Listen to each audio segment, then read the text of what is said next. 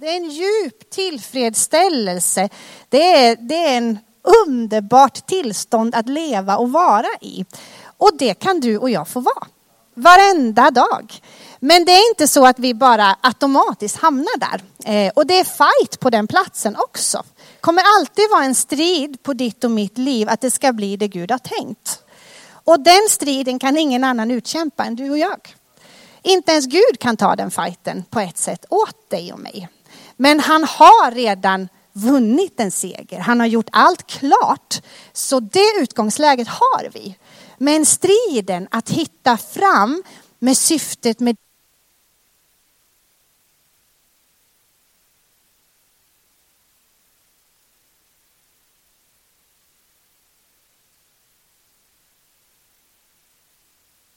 att söka där.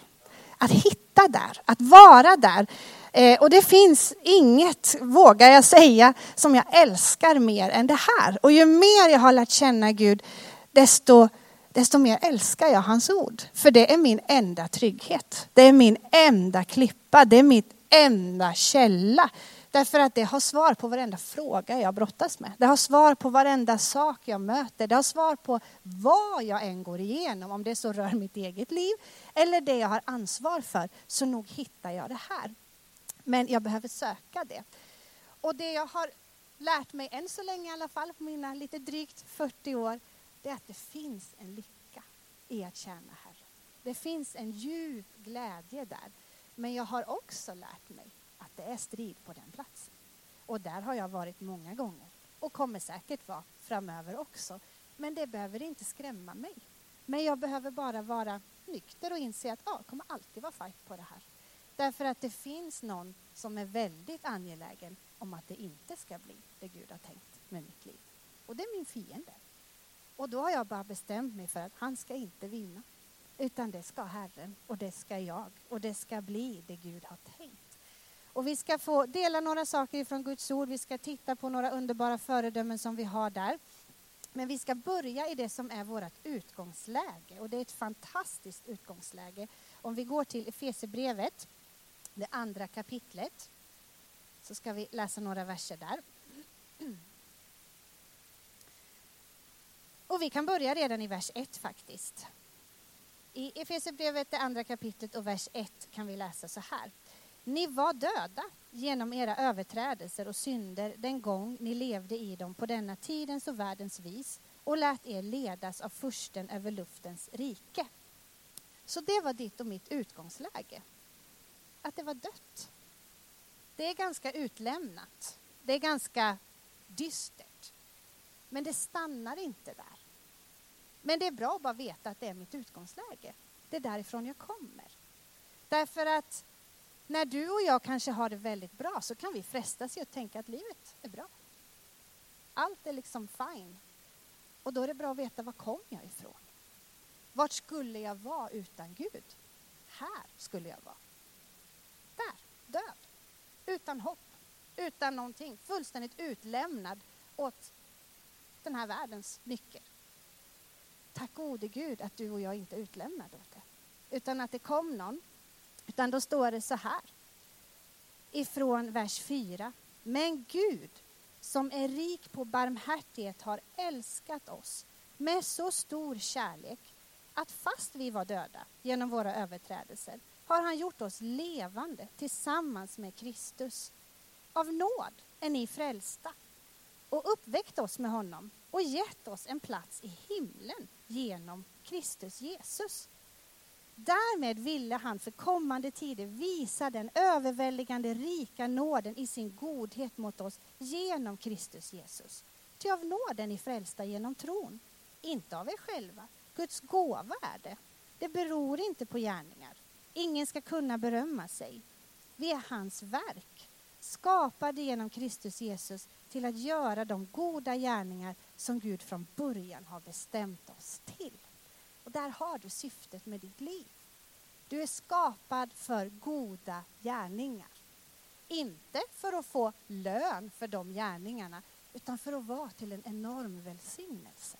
Tänk att du är skapad, om du tittar på dig själv, om du tittar på dina grannar, du sitter här, du finns här, eller hemma, vart du nu är. Du finns på den här jorden för att bli till en stor välsignelse. Tänk att vi kommer ur ett så ruttet utgångsläge men med en sån ljus och underbar plan. Och du och jag, vi kan länka in i det där. Och vi kan, mitt i allt det vi går igenom, så är det det här vi kan länka in i. Det ska bli det Gud har sagt. Och att få tjäna Herren med glädje, alltså när jag kommer ur det här utgångsläget. Om jag någon gång blir frestad och tänker att, åh, lite det Johanna var inne på, det är så tungt, det är så mycket. Då är ju jag lurad. Och det är det jag behöver lära mig. Jag är grundlurad, jag är på väg att bli grundlurad. För hur kan någonting bli mycket när jag har fått allt det här? Gud har älskat mig bortom allt. Han har gett mig allt.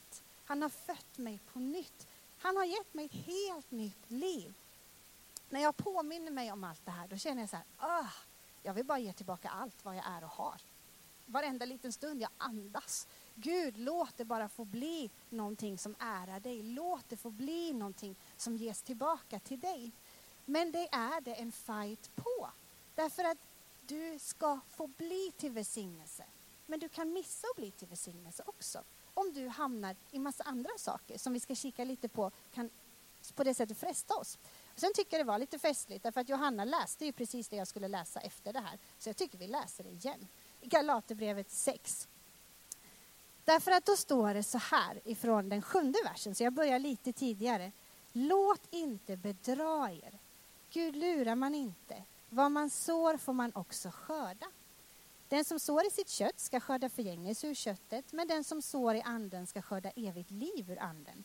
Låt oss inte tröttna på att göra det som är rätt. Och bara att det står där, har du hört vår älskade pastor säga många gånger, är ju en liten signal om att du kommer bli trött.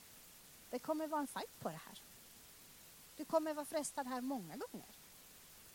Och tänk att Gud vet det. Så han skriver in det här bara för att du ska haja till. Just det, just det. Jag ska inte trötta. Jag ska inte göra det. Och jag tycker det är en sån underbar frihet att veta att jag bestämmer över mitt liv. Jag gör det. Det gör ingen annan. Jag bestämmer över mitt liv. Och jag bestämmer vad jag gör med mitt liv.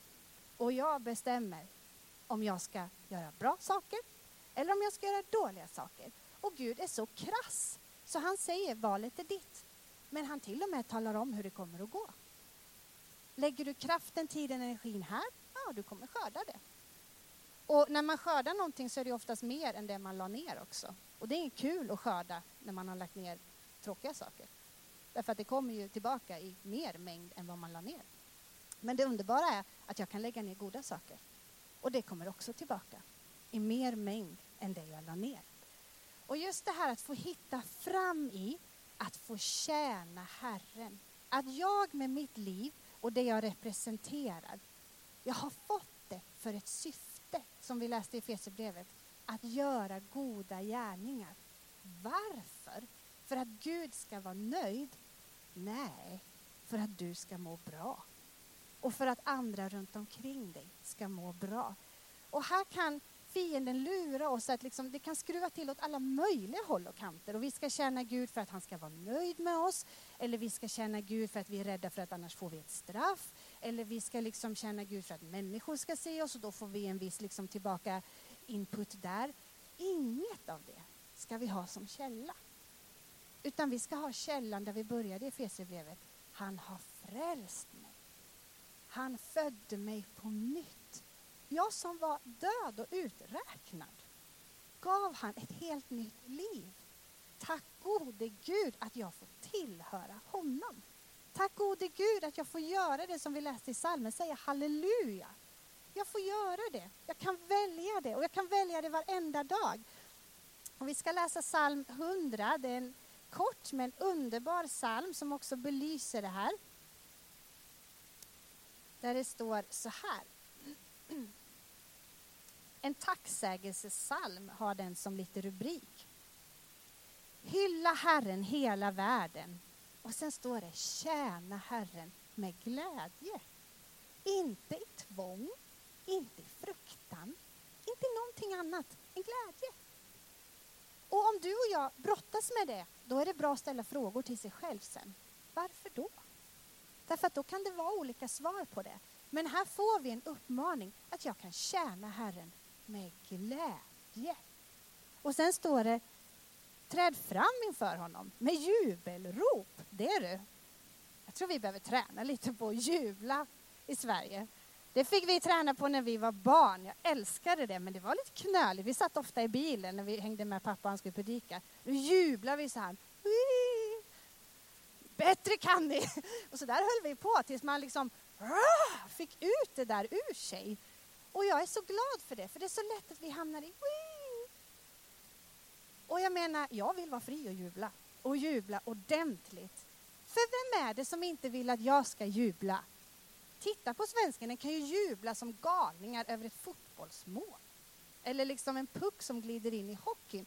Då är man hur fri som helst. Inga problem. Men att jubla och vara fri i kyrkan, bara det säger ju att det är något som vill kväva mig. Det är något som vill krympa mig. Och då får jag slåss för mitt utrymme. Jag får dansa, jag får jubla, jag får prisa Herren. För då händer det någonting på insidan nämligen. Och då kommer det, det blir lättare att andas. Det blir lättare med allt möjligt ska du se. Och sen står det, besinna att Herren är Gud. Det är inte du och jag som är Gud. Och det är väldigt skönt. Men det är också vår största fight, att vi vill gärna vara Gud. Och där har vi så att säga kärnan till allt och det är vår själviskhet. Jag vill gärna bestämma själv. Jag vill gärna ha koll på det här själv. Och vet du vad? Du får det. Men då får du frukten av det också. Och det säger Guds ord på flera ställen att vi är som får som vill gå vår egen väg. Och vad leder det till? Att vi går vilse, står det. Och där är jag så tacksam till Guds ord att han vill upplysa mig i mitt liv, i min vardag om vad som är vilset i mitt liv.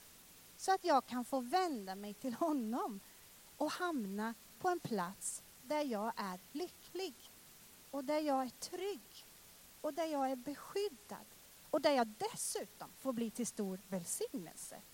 Gud är liksom fenomenal på att få ihop det här. Men vi har liksom vår egen vilja att slåss emot. Men ju mer vi så att säga lär oss det där, desto härligare och enklare blir det. Och inte ens Jesus slapp ju den kampen. Det står det att fast han var son fick han lära sig lyda. Han kunde tydligen inte det automatiskt. Och det kan inte du och jag heller.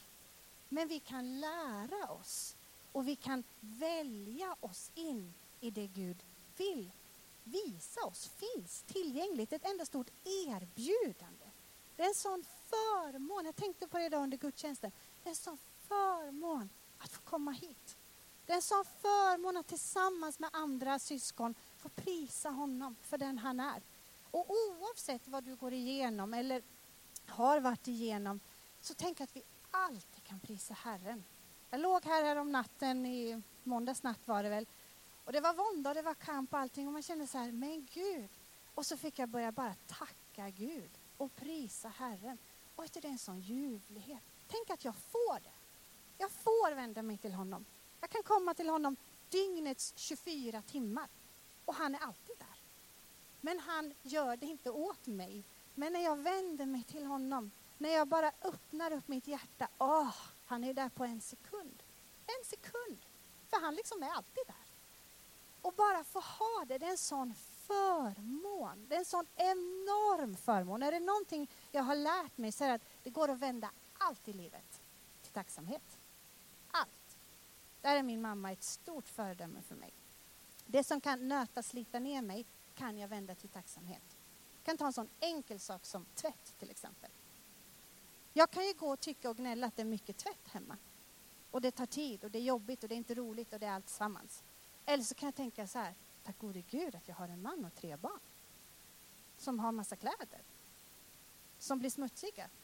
Det behöver jag kanske inte tacka för. Men vi har kläder. Vi har mat. Jag har en tvättmaskin, förstår ni? Och när jag helt plötsligt börjar tacka Gud för det här, då är det trevligt faktiskt. Och det där kan jag göra i allt. Allt som vi sliter. Då är vi tillbaka till det Johanna delar. Gruset vi slita, Eller så kan jag vända på det. Jag har två ben. Tack att jag kan gå. Tack att jag har två armar. Jag kan bära med de här armarna. Tack att jag får vara en del av det här. Tack gode Gud att jag får vara en del av det här. Vet du, det blir bra mycket roligare. Och det blir bra mycket härligare. Och där kommer det en lycka. Och det valet, det gör inte Gud åt dig och mig. Det gör du och jag. Och det är jag så lycklig över, att jag är fri att välja. Därför att då kan livet aldrig förstöra mig. Och någon annan människa kan heller aldrig förstöra mig. Utan jag kan välja Guds väg. Jag kan välja Guds planer. Jag kan välja Guds tankar för mig. Och då fortsätter vi här. Gå in i hans portar med tacksägelse. Kom till hans förgårdar med lovsång. Tacka honom, prisa hans namn. Till Herren är god. Evigt varar hans nåd från släkte till släkte, hans trofasthet. Och så skulle vi besinna att vi var hans folk och han har gjort oss. Alltså bara det här, det finns, man kan suga på den här karamellen hur länge som helst. I livets alla omständigheter. Men här någonstans behöver vi landa tror jag. Jag predikade innan jul där någonstans eller i närheten om att vi behöver landa i Guds kärlek på riktigt. Och vad är Guds kärlek? För det är grunden för alltihopa. För vet inte jag djupt här inne att jag är älskad och vet inte jag djupt här inne vem Gud egentligen är, då kan det här bli en match för mig. Att jag ska tjäna honom. Och jag ska dessutom göra det i glädje också. Det är inte lite du kräver. Därför att det är så att säga, jag har fel bild. Och när jag har fel bild eller när det är lite trasigt på insidan av mig, då kan allt bli väldigt skevt. Men det betyder inte att Gud är skev. Och det betyder inte att det Gud hade tänkt var skevt. Det betyder bara att jag är lite skev. Och det kan Gud få ordning på om jag rotar mig här. Om jag rotar mig i vem han är. Vem han säger att han är. Inte vem jag tror att han är. Eller vem någon annan har berättat att han är. Vi satt och tittade på ett tv-program här eh, eh, för ett tag sedan. Det har kanske ni hört talas om också. Det här kommer amerikaner som ska söka sitt ursprung i Sverige. Och det gjorde så ont i mig sist därför att det var flera av de här som hade växt upp i så kallade religiösa miljöer och fått en beskrivning av Gud där man kände att den är så långt ifrån vem Gud är. Och människor har betett sig på ett sätt som är så långt ifrån vem Gud är. Och därför har man dragit slutsatsen att Gud är sån. Men det är han ju inte. Han är den han presenterar sig här. Och det kan du och jag hitta fram till och söka oss fram till. Om vi orkar, vågar och väljer ta den matchen med det som kanske bråkar i dig och mig. Och ibland, vet ni vad, får man bara välja att lita. Vad är tro egentligen? Det är att jag litar på någon. Även om jag inte känner, även om jag inte förstår, även om jag inte riktigt får ihop alla bitar, så väljer jag att lita på dig. Och jag glömmer aldrig när Gud bara bankar ner det här i mig för ett bra antal år sedan när det var mycket i mitt liv som vändes fullständigt upp och ner och hela min gudsbild ruckades och var på lite svaj där. Och jag vet att jag satt bara hemma i min säng och grät. Jag, var, eh, jag har nog aldrig varit så förtvivlad i hela mitt liv. Och kände bara att jag har liksom inte fotfäste någonstans just nu. Och grät och grät och grät. Och mitt i det där så bubblade bara upp ett ord ifrån Herren. Och det var det här, för den som älskar Gud samverkar allt till det bästa. Och då vet jag att jag bara sa till Gud, vet du vad, sa jag. Det är egentligen det enda jag vet just nu. Och det är att jag älskar dig. Jag har inget annat kvar än att jag älskar dig. Och jag fattar ingenting, sa jag. Jag förstår ingenting. Men då väljer jag så här naiv var jag och jag satt i min säng. Då väljer jag att lita på det. För att det är du som säger det.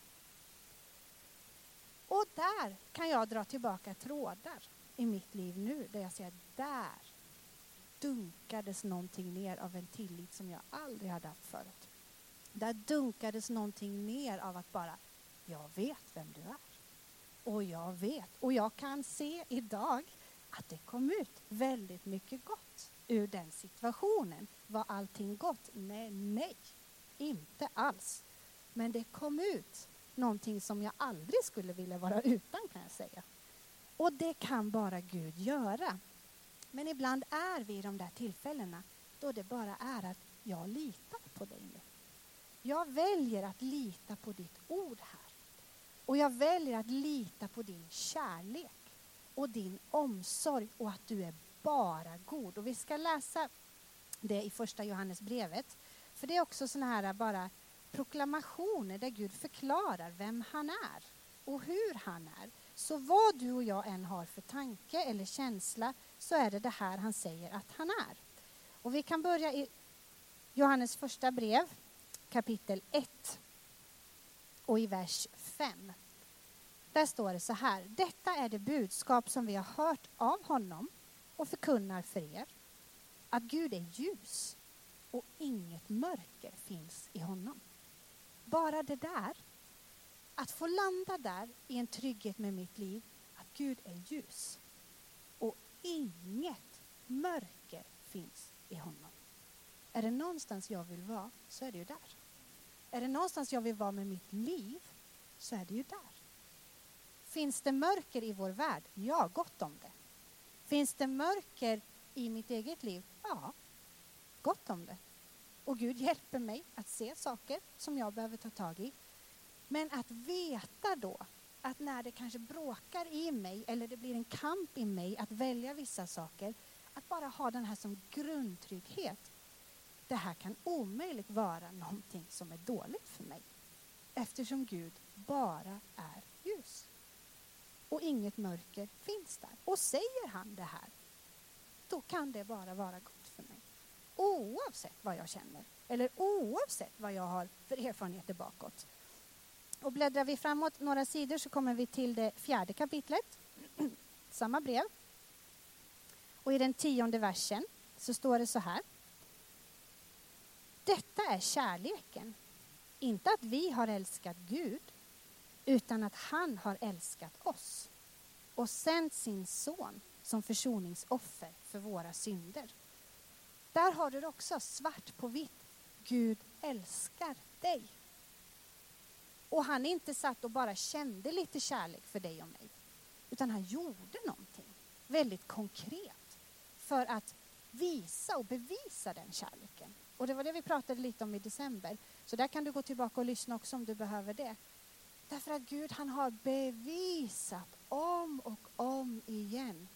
Det enda han är intresserad av det är att du och jag ska vara välsignade. Att det ska gå väl för dig och mig. Det är det enda han är intresserad av. Men det kommer vara en kamp för dig och mig att hitta fram här. Och då måste vi vara trygga med att från Guds sida och från Guds perspektiv, alla hans intentioner för mig är bara goda. Det finns inga dolda motiv någonstans. Det finns inga själviska motiv någonstans i honom.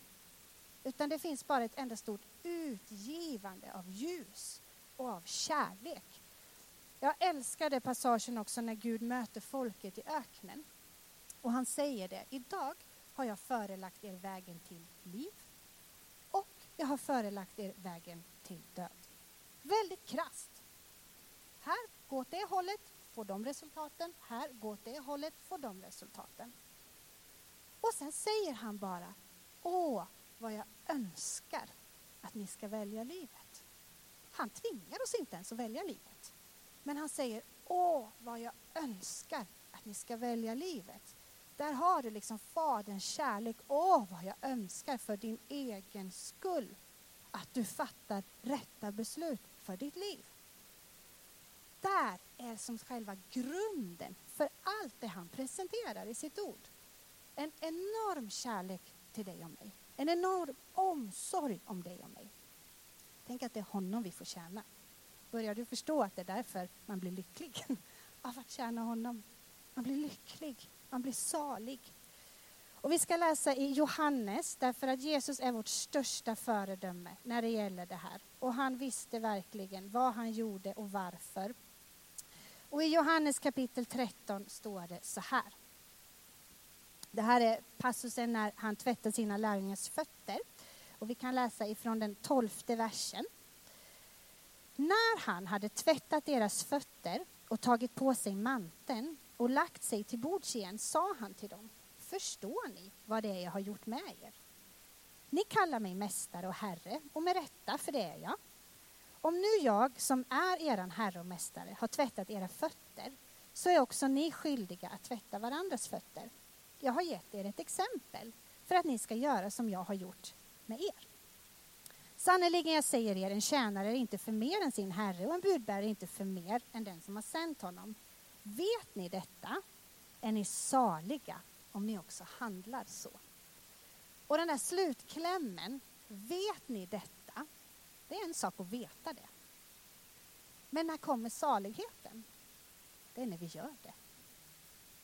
Handlar ni så, då blir ni saliga. Då kommer glädjen. Då kommer mättnaden. Och vi ska också läsa ifrån Markus 10, där Jesus säger en sak om sig själv som jag tycker är väldigt intressant. I Markus, det tionde kapitlet och vers 45, så säger han så här. Människosonen, han pratar om sig själv, har inte kommit för att bli tjänad, utan för att tjäna och ge sitt liv till lösen för många. Och Jesus är ju den första av många syskon och bröder och systrar, där vi får fortsätta i det släktledet så att säga. Och om han säger vi ska tvätta varandras fötter. Vi ska betjäna varandra. Om han säger, jag har inte kommit för att bli betjänad, utan för att tjäna. Och om han säger att saliga är vi, om vi inte bara vet om det här, utan också gör det. Där hittar jag en massa nycklar. Därför att mitt liv här på jorden, som vi läste i Fesebrevet, vad var det designat för? Var det för att, som vi nu är proppfyllda med, eller proppade med i vår tid, att jag ska förverkliga mig själv. Jag ska hitta mitt liv. Och jag ska, och jag ska, och jag ska. Och allt är bara jag, mig, mitt. Vilken lögn som vi lever i, i vårt samhälle och jagas av. Att vi ska hitta fram meningen med livet. Vi ska hitta fram förverkligande. Och det är ett sånt egocentriskt liv och ett sånt egoperspektiv. Men människor har ändå lurats in i det här och är många gånger, tror jag, många troende. Att man tror att det är vägen till lycka.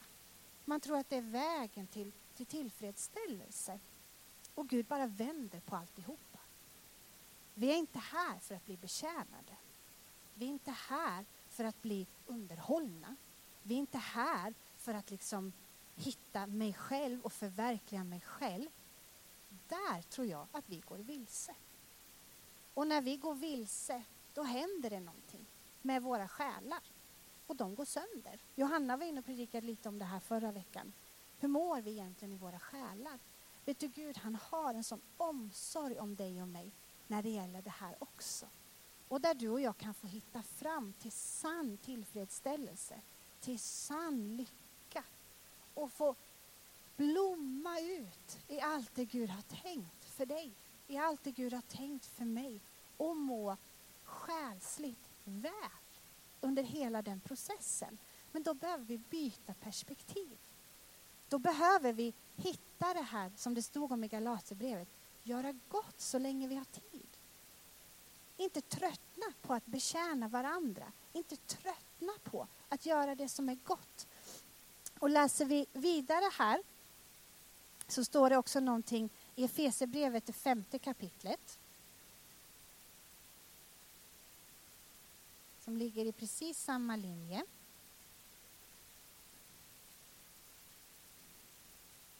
Ifrån den första versen.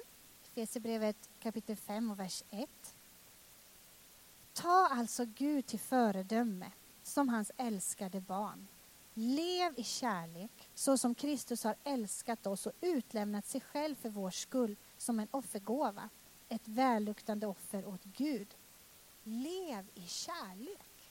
Men då inte i tanke, utan i praktisk handling. Som Jesus sa, tvätta varandras fötter, betjäna varandra. Och han är inne där och undervisar dem där i det sammanhanget också att den som liksom vill vara störst, den ska vara den andres tjänare. Det är liksom så tvärtom mot vad vi möter i den här världen. Det är helt tvärtom i Guds pedagogik. Men ett ord som jag tycker är så underbart också att ha med det här, därför att då kan man tycka, men hur går det med mig då? Den tanken kanske har slagit dig. Hur ska det gå med mig då? Om jag nu ska liksom tjäna här och tjäna här och tjäna här, hur ska det gå med mig då? Ja, men det är där som Gud är så finurlig. Att han har ju lagt ner själva bonusen i det där. Och det säger Jesus i Johannes 4. Där säger han att min mat, det är att göra Guds vilja som har sänt mig. Och mat, om man läser lite andra översättningar där, så står det näring. Och vad behöver du och jag för att leva och må bra? Vi behöver näring, eller hur? Hur ska vi få den där näringen? Ska vi få den liksom när vi, när vi på det sättet söker näringen och söker massa saker här och söker massa saker där? Nej, Jesus säger när man får näringen. Det är när jag får göra Guds vilja. När mitt liv får bli till välsignelse. När mitt liv inte handlar om att uppfylla alla mina drömmar, att uppfylla alla mina önskningar, att uppfylla allt vad jag kan komma på och så ska jag in Gud där och välsigna det. För där är vi mycket inom kristenheten. Det är väldigt mycket vi och så ska Gud blessa det. Liksom. Och Gud säger inte att det är så det funkar. Men han säger här, att göra hans vilja som har sänt mig. Att hitta fram i Gud, mitt liv är till för att ära dig. Mitt liv är till för att tjäna dig. Mitt liv är till för att välsigna andra. Vad händer då, säger Jesus? Där får jag näring. Där blir jag mättad. Där får jag det jag kan stressa ihjäl mig för att söka. Det får jag på köpet. Det bara kommer. Och ett annat underbart ord, det är det i Ordspråksboken i kapitel 11 och vers 25. I precis samma linje så står det så här. En givmild människa får rikt igen. Den som mättar andra blir själv mättad. Och när jag läste lite andra översättningar där också så står det att den som vederkvicker andra, den blir översköljd. Det är lite skillnad på att vederkvicka någon och bli fullständigt översköljd själv. Men det är Guds pedagogik. Så därför behöver jag aldrig vara rädd för att jag ska ta slut om jag vederkvicker någon. Eller att jag ska tappas bort om jag liksom lägger mitt fokus på Gud. Jag kommer bli översköljd. Jag kommer ha allt vad jag behöver och inte med lite råge eller liksom precis skrapa på botten utan översköljd. Och är det någonting jag har sett med de år som jag har tillsammans med Herren så är det att han står för vad han säger. Han gör det. Alla dagar i veckan. Alla dagar i veckan. Och det kommer en sån mättnad. Det kommer en sån djup tillfredsställelse. Det kommer en sån glädje. Man kanske är lite trött i kroppen ibland, man kanske är lite annat. Men alltså det som kommer här och det som bara finns och ruvar på insidan, det är ju värt mer än någonting annat. Att få se människor växa tillsammans med Gud, att få se människor ta sina första steg tillsammans med Herren, att få vara med och se människor hitta fram. Alltså vad är större glädje än det? Vad är större tillfredsställelse än det? Få vara med och leda människor till Jesus, få se dem bli andedöpta. Alltså, det, det, är liksom, det är bara jubel och dans. Och jag vet att jag kan inte göra något av det. Men jag kan få vara en kanal. Jag kan få vara liksom en källa. Och är det någonting jag har sett så är det att det här sker ju i våra vardagsliv. Det är ju inga special events då det här ska pågå eller då du och jag ska betjäna. Utan vi kan hitta fram till det här i våra vardagsliv. Och vi ska titta på några underbara föredömen i Guds ord där vi ser att det är mitt i vardagen när människor väljer den här vägen som de bara öppnar himmelens fönster över både sina egna liv men också andras liv. Men då det är, det är ingen rosenströdd väg de har gått eller fått gå. Och det har Gud aldrig sagt. Men han har sagt att det går att hitta fram här. Att mitt i allt vad du och jag möter, mitt i allt vad vi lever med, så kan jag få vara lycklig i att tjäna Herren med glädje. När jag förstår att det är inget krav, det är inget straff, det är ingen tung pålaga. Det är mitt livs frihet. Det är mitt livs frihet att slippa vara fången i mina egna begränsade drömmar. Tänk att Gud säger så. Mina tankar är inte era tankar. Mina planer är inte era planer. Och sen börjar han mäta ut lite. Så högt som himlen är över jorden ligger jag över er. Och jag börjar fundera lite på det här inför den här gudstjänsten med där Jesus säger att vetekornet måste falla i jorden och dö. Och då började jag tänka på alla möjliga sorters korn eller alla möjliga sorters frön. De är ju inte mycket för dagen. Om du tänker alla blomfrön, om du tänker alla liksom grönsaksfrön, alltså det är små pyttesaker. De kan vara lite beiga, de kan vara lite svarta. Vallmo tänkte jag på, det är liksom en liten millimeterknapp. Liksom. Det är ju egentligen ingenting. Men inom sig så bär det upp en skönhet, en doft, en, en väldoft, en rikedom utan dess like. Men när kommer den rikedomen? När förlöses det som finns på insidan av det här lilla fröet? Är det när det så att säga ska bevara sig själv? Nej, det är när det ger upp sig själv. När det ger upp sig själv, när det kapitulerar och när det dör, då förlöses hela härligheten. Då kommer blommorna, då kommer väldoften, då kommer frukten, då kommer grönsakerna. Och då kände jag så här, gode Gud, när jag tänker på mitt eget liv, när jag tänker på alla människor vi har runt omkring oss, vad Gud har deponerat i var och en. Då är vi tillbaka till det här Efesierbrevet. Det finns någonting som Gud har sett, som Gud har tänkt, som Gud drömmer om när han ser på dig. Och han ser blomman i det här lilla fröet. Han ser frukten, han känner smaken. Han ser allt det där i det där lilla fröet. Men han vet också att det kommer aldrig bli så om inte vi i tillit till honom kapitulerar. Och på det sättet ger upp våra drömmar som är så små i förhållande till hans stora visioner. Och när du känner att det gör anspråk på dig, när du känner att åh, det drar i dig. Alltså det är så pyttet, det är så pytte, pytte, pyttet jämfört med hans visioner. Och det är där kampen står om oss tror jag. Jag lyssnade på Mats Jan eh, Söderberg när han var här och predikade under våra bönedagar. Och jag bara gick hem och grät. För jag kände så här, vad får det kosta, sa han. Och jag, menar, jag gick hem och hängde tvätt och gjorde andra saker jag behövde göra. Och grät, och grät, och bad, och grät, och grät. För jag kände så här, här är kampen om våra liv. Ska det bli det Gud har tänkt? Eller ska vi ha så fullt upp med oss själva? Ska vi ha så fullt upp med de här små fröna och bevara dem? Eller ska vi bara ge oss? Ska vi bara ge oss? Och bara säga Gud, inte min vilja. För den är så liten och begränsad i jämförelse med dig.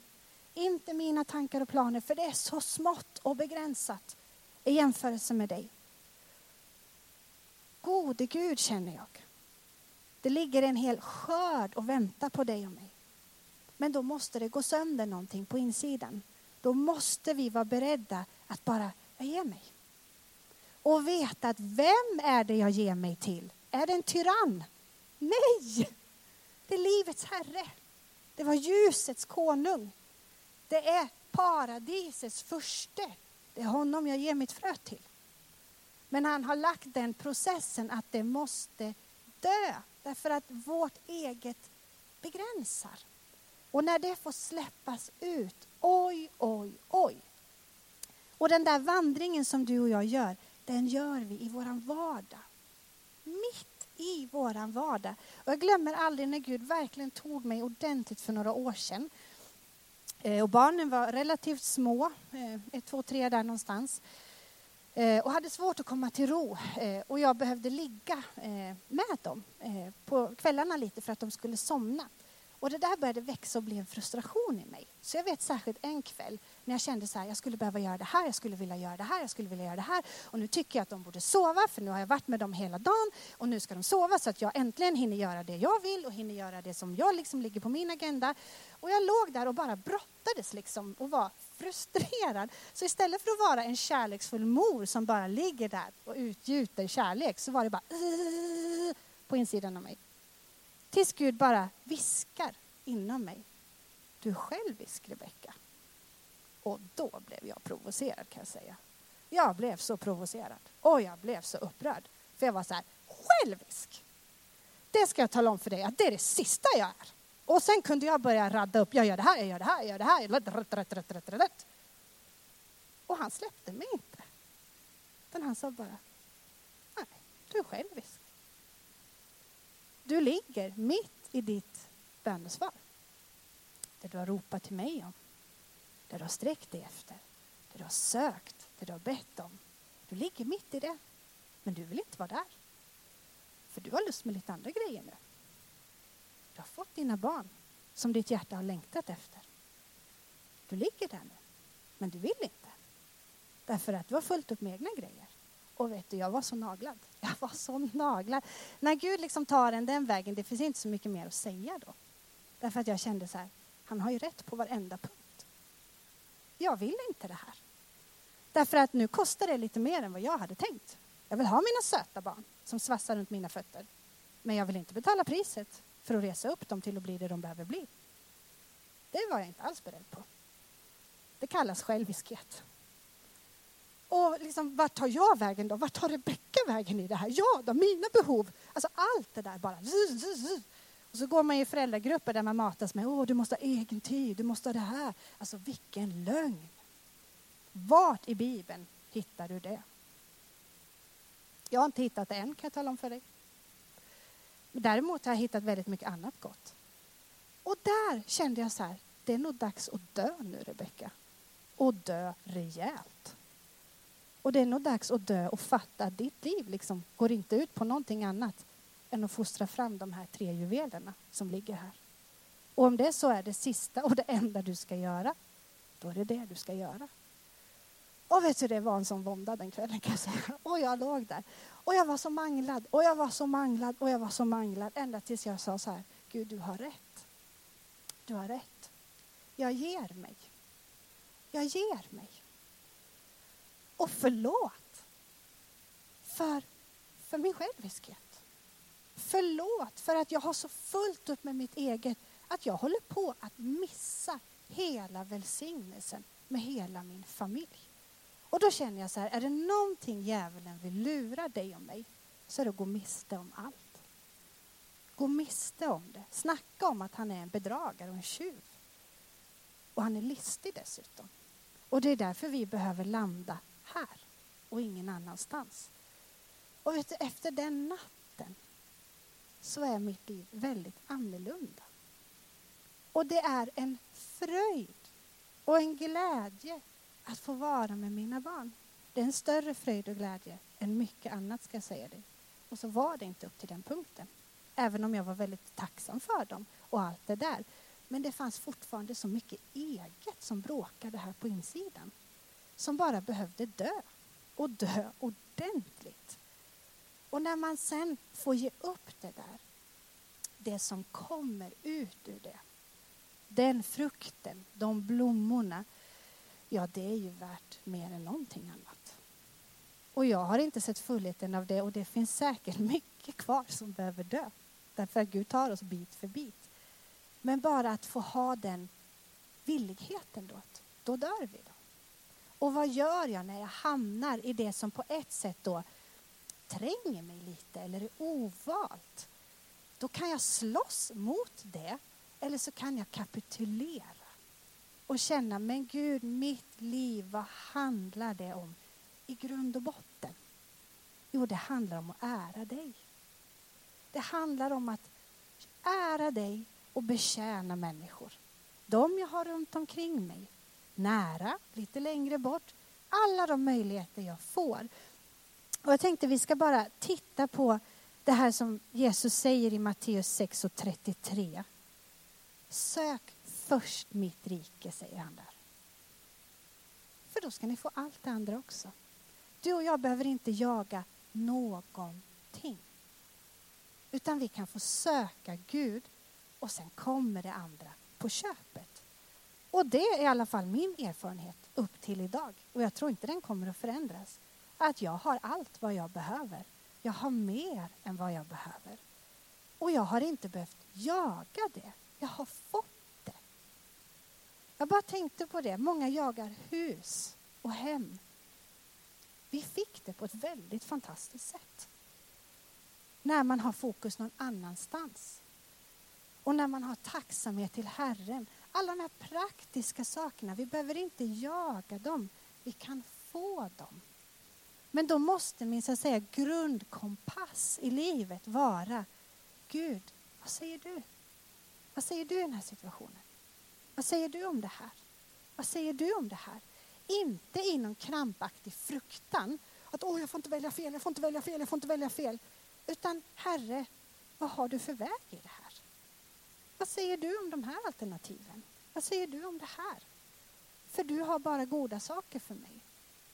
Och det står ju det också lite längre fram där i Matteus 7, vers 9-11, att om ni som är onda förstår att ge goda gåvor, och det förstår vi ju, hur mycket mer ska inte Gud ge det som är gott? Alltså Gud är så bortanför vad vi kan omfatta. Men det vi kan landa i och lita i att det är bara gott. Det är bara gott. Men när den här kampen och våndan kommer som vi kan hamna i var och en av oss. Att Gud missunnar mig eller Gud försöker låsa in mig eller Gud... Det är en sån lögn. Och lär dig att avslöja det i ditt eget liv. Där har vi ju liknelsen ifrån Lukas 15 som är så till stor hjälp för oss. Den ena sonen, han kände sig fången. Att Gud missunnar mig allt det här, så jag måste bara ut ur det här fängelset. Och förstår inte att han är i paradiset. Det är ungefär som man kan höra ibland det föräldrar resonerar. Eller man hör andra att liksom, familjen är mitt fängelse. Hur kan den vara ett fängelse? Sen finns det saker som kan gå fel, absolut, det är inte det jag menar. Men det är inget fängelse utan det går att hitta fram där. Men kanske saker behöver omprioriteras inom mig för att jag ska se vilken välsignelse jag lever i. Eller så kan jag missa den. Men han ger sig ju ut då, den här sonen. Och livet, tyvärr då, tar honom en resa där han på ett bittert sätt får erfara och landa i vem Gud är. Men han hamnar ju ändå i en situation där ljuset går upp och där han tar sig tillbaka och där han hittar hem till fadershjärtat som har funnits där hela tiden. Fadern har inte förändrats. Men hans uppenbarelse av Fadern förändrades. Sen har vi den andra sonen som är kvar men med en mentalitet att jag slavar för dig. Och den där tror jag många av oss har fått en liten hint av ibland. Man slavar för Gud, men då är vi också grundlurade. Vi slavar inte för någon. Vi har friköpts ifrån död och mörker. Och vi har fått det största privilegiet som finns, att leva och älska Herren. Och att få bli till välsignelse, det är inget slavgöra. Det ska jag tala om för dig. Men det kan komma de tendenserna och hintarna. Och då behöver vi avslöja dem. Och så behöver vi hitta fram till att nej Gud, inte min vilja, utan din vilja. På riktigt inte min vilja, utan din vilja. För det är bara där jag är fri. Det är bara där det kommer kunna bli det du har tänkt och det du har önskat.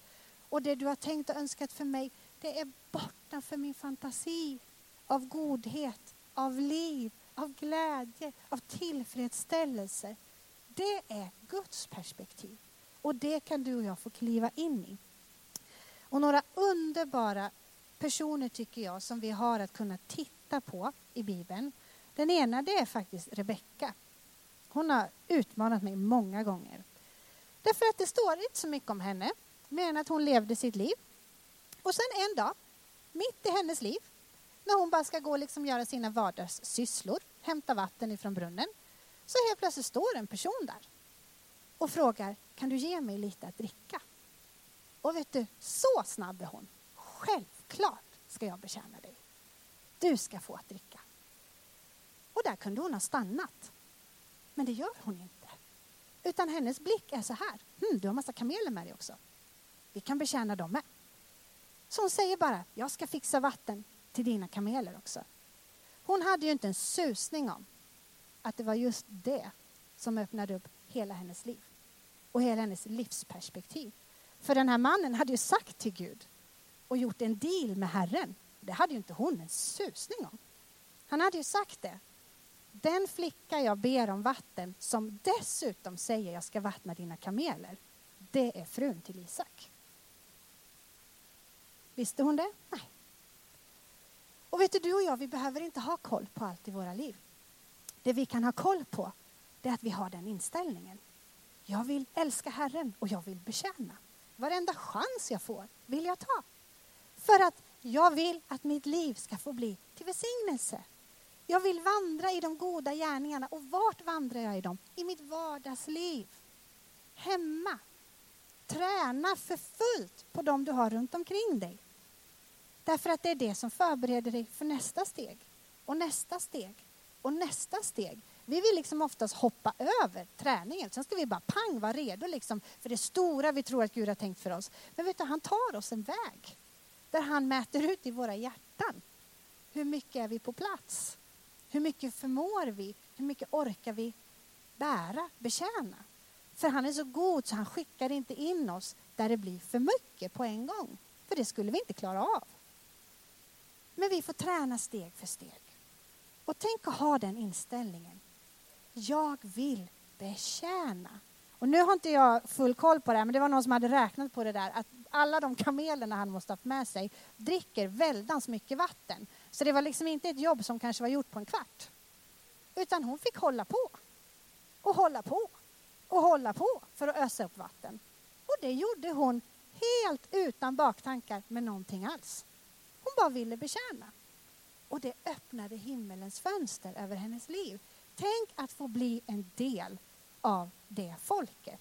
Och så småningom in i Jesus släkttavla. Hade hon en aning om det? Såklart inte. Och det finns så mycket som du och jag inte har en aning om och som vi inte behöver veta. Det enda vi kan veta är att jag vill betjäna. Jag vill vara lycklig och känna Herren. Där jag får en chans, en möjlighet, där tar jag den. Inte för att jag är tvingad, inte för att jag har något dödshot, inte för att jag ska liksom impa på varken Gud eller människor, utan för att jag ärligt uppskattar att betjäna. För jag har hittat en glädje i det. En annan person som utmanar mig och uppmuntrar mig mycket, det är ju Rut. Oj, oj, oj, när vi börjar sätta oss in i den situationen. Vilket miserabelt utgångsläge. Jag har förlorat min man, jag har förlorat alla mina framtidsdrömmar. Det är bara elände. Och elände igen. Och där hade ju man bara kunnat sätta sig ner och känna då att ja, då var mitt liv slut. Men hon väljer inte så. Hon väljer på ett helt annat sätt. Jag tänker vi ska läsa de orden som det står om i Rut kapitel 2. För där har vi också några nycklar till varför det blev som det blev sen för henne. Och det är när hon träffar Boas för första gången. Som sen då blir hennes man. Men då ifrån Rut kapitel 2, så där i början så säger hon ju till Noomi, jag vill ut och göra någonting. Vi kan inte bara sitta här liksom. Vi måste skaffa mat, vi måste göra någonting. Så hon gör det hon kan, hon går ut och plockar ax, för det var det hon kunde göra. Sen när man läser kapitel 2, då står det att hon plockar på ett speciellt sätt. Hon höll på hela dagen. Hon tog knappt någon paus. Hon var flitig. Varför? Jo, för hon betjänade någon annan. Och framför allt var det Nomi, hennes svärmor. Och då står det så här sen ifrån vers 11. Boas svarade, för hon frågar Boas, hur kan du vara så god mot mig? När han börjar liksom ge henne lite vatten och andra saker där. Då säger Boas så här. Jag har hört talas om allt vad du har gjort för din svärmor sedan din make dog och hur du har lämnat dina föräldrar, ditt hemland och begett dig till ett folk som du inte kände förut. Må Herren löna dig för vad du har gjort.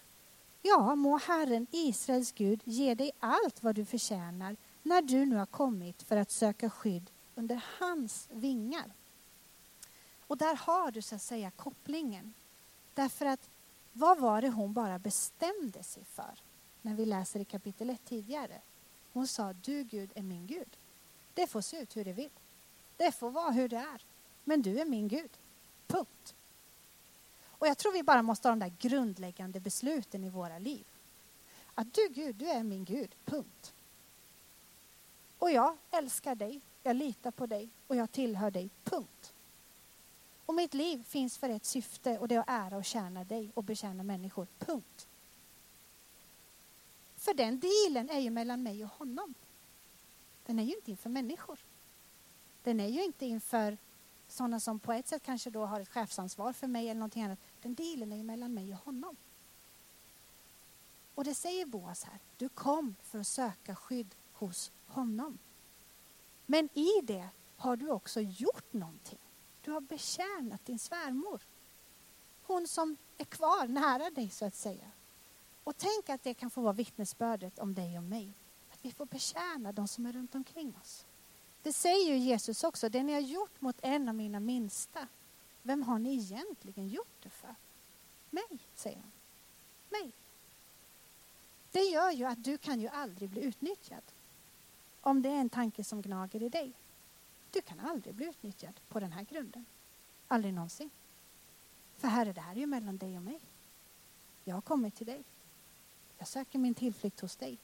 Hela mitt liv tillhör dig. Men jag vill vara i dina händer. Jag vill att det du har planterat och investerat i mig, det ska få blomma ut. Det ska få bli det du har tänkt. Det ska få bli all den frukten, blommorna, väldoften som du ser i din dröm för mitt liv. En annan sån person det är ju Josef.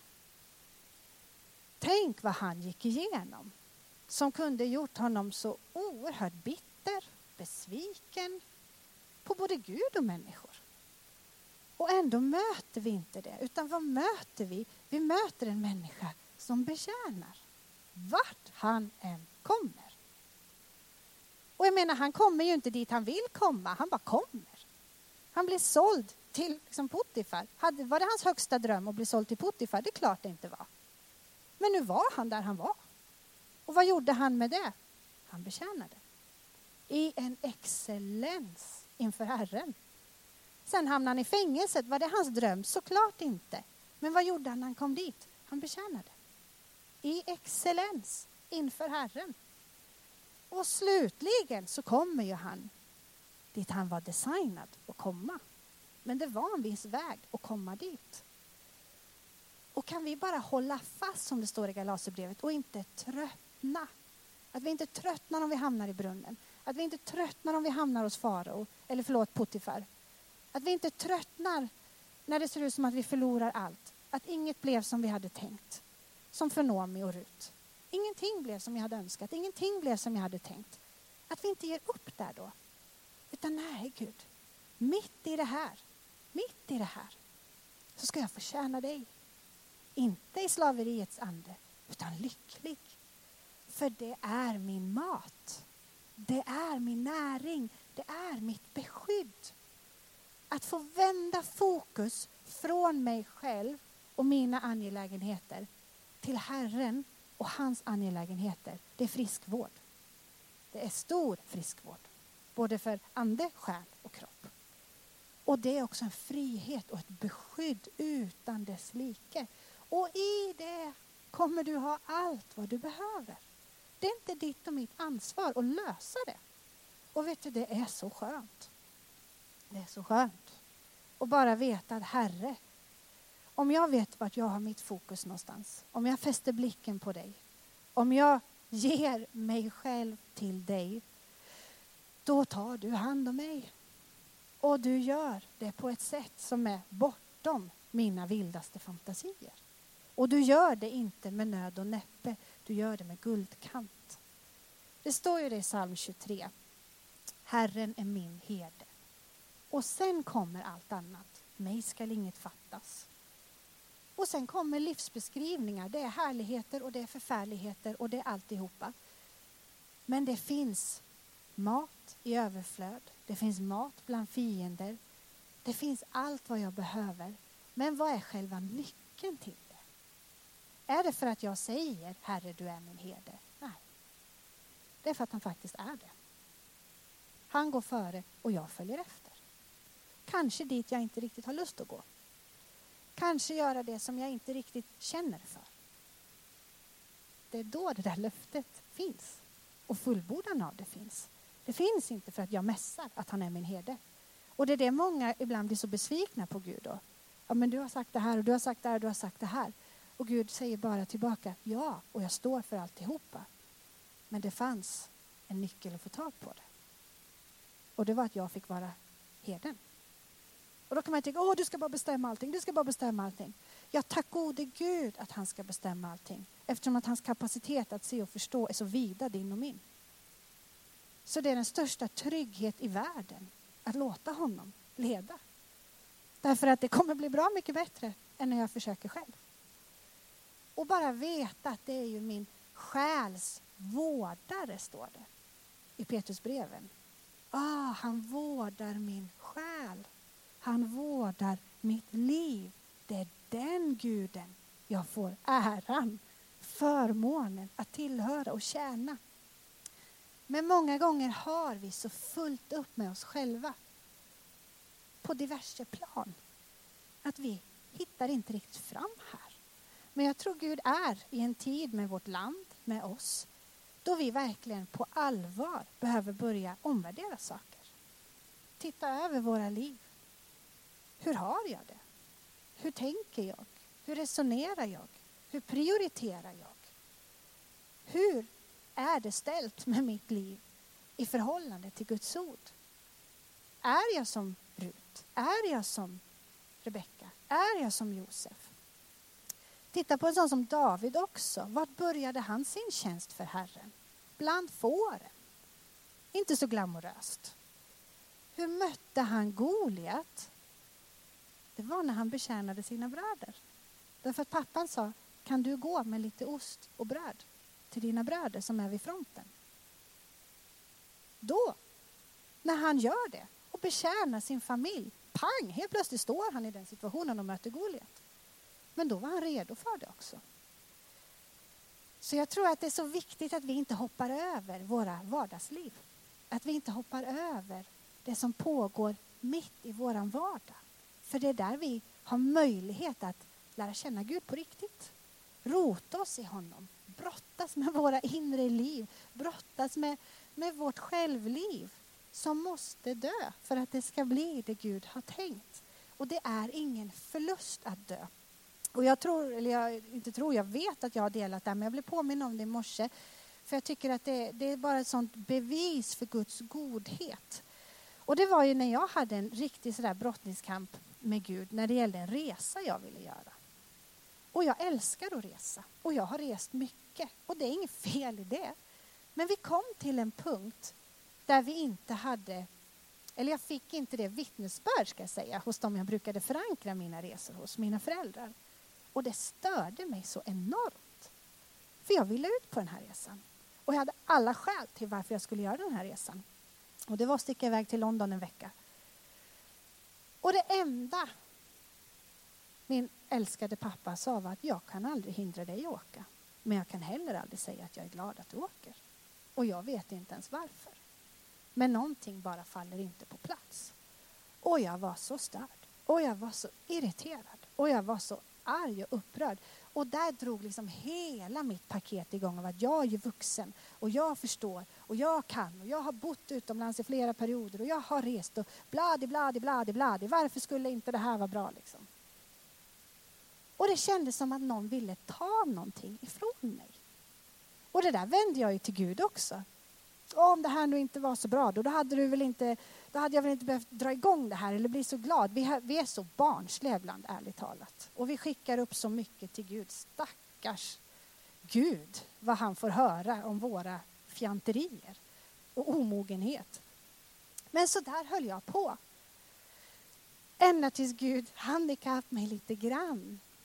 Och jag bara fick den här frågan.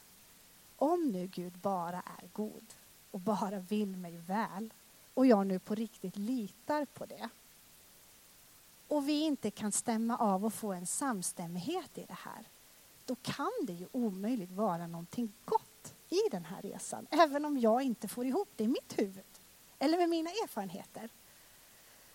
Och då vore det väl en större vinst att släppa den då. Men jag, måste, jag kände jag måste vara så ärlig med mig själv att jag gör det här på riktigt och att jag verkligen väljer det och vet varför jag väljer det. För annars kommer jag hålla det mot mina föräldrar. Ni sa. Eller jag kommer hålla det mot Gud. Du gjorde.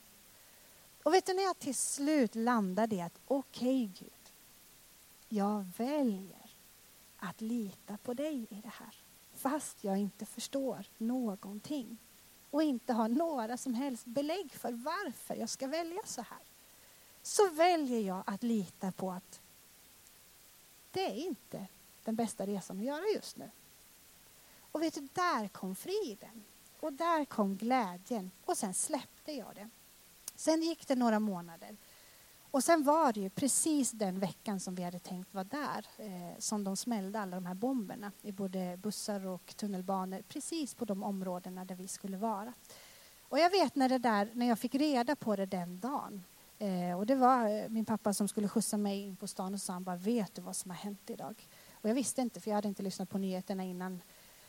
Och då när jag satt i bilen och fick reda på det, alltså jag var, det bara gick sönder någonting på insidan av mig. Och då jag kände Gud, älskar du mig så mycket? Har du sån omsorg om mig att du inte ville ha mig där? Så att du bara kunde skicka de signalerna att det är inte den bästa veckan att vara där. Har du den omsorgen om lilla pricken Rebecka i Örebro jag var så förkrossad och då kände jag så här, du kommer aldrig ta någonting ifrån mig som är gott. Du kommer bara ge mig det jag mår bra av. Och är det saker som ser väldigt bra ut, men som man ändå inte har ett vittnesbörd av, då behöver jag aldrig frukta för att släppa det. Jag behöver aldrig vara rädd för att gå in i det, eller gå in i det, eller släppa det, så länge jag har friden. Därför att då vet jag att du vakar över mig. Och det där har liksom bara brännmärkt mig för resten av mitt liv. Där jag känner att Gud, att få ära dig, att få tjäna dig, att få tillhöra dig, det kan jag aldrig förlora på. Jag kan aldrig förlora på det. Det är en enda stor bonusvinst överallt. Men det kommer alltid vara en fight på det. Och det kommer komma prövningar på det. Varför? För att det inte ska bli det Gud har tänkt. Men tänk att du och jag kan bestämma oss för att jo, det ska få bli det Gud har tänkt. Och jag ska börja där jag är. Jag ska börja i min vardag. Jag ska börja hemma. Jag ska börja på mitt arbete. Jag ska börja där jag studerar. Jag ska börja att ära Gud och betjäna människor. För då kommer du ta mig en väg där mitt liv får bli det det var tänkt. Och det tror jag att vi står inför som kristenhet i Sverige idag. Ska det bli det Gud har tänkt eller ska vi fastna i oss själva? Men jag vill inte fastna i mig själv. Och jag hoppas och tror att du vill inte fastna i dig själv heller. Utan jag vill tro Gud om att vi ska få fastna på honom. Och där det står de föredömen som vi har fått att följa i Guds ord. De instruktioner vi har fått. Att inte bara höra utan också göra. Och då få tjäna Herren i glädje, i lycka. Och känner du så här, nej men det, det, är inte så i mitt liv, det bråkar i mig. Men fråga Gud, vad står det för? Vad står det för? För vet du, han kan visa dig det. Om det handlar om att du inte litar på honom. Om det handlar om att du har fel bild av honom. Om det handlar om att du kanske som jag, fanns lite för mycket själviskhet som vi behövde göra upp med. Det är diverse saker. Men Gud, han vet ju precis vad som pågår på insidan av dig. Så låt oss bara få stå upp tillsammans. Låt oss sjunga en lovsång. Låt oss bara komma inför Herren. Och låt oss ha den bönen i våra hjärtan. Gud, låt mitt liv bli det som det är tänkt. Låt mig få leva i min vardag. Älska dig, älska människor, ära dig, betjäna människor. För där ligger din lycka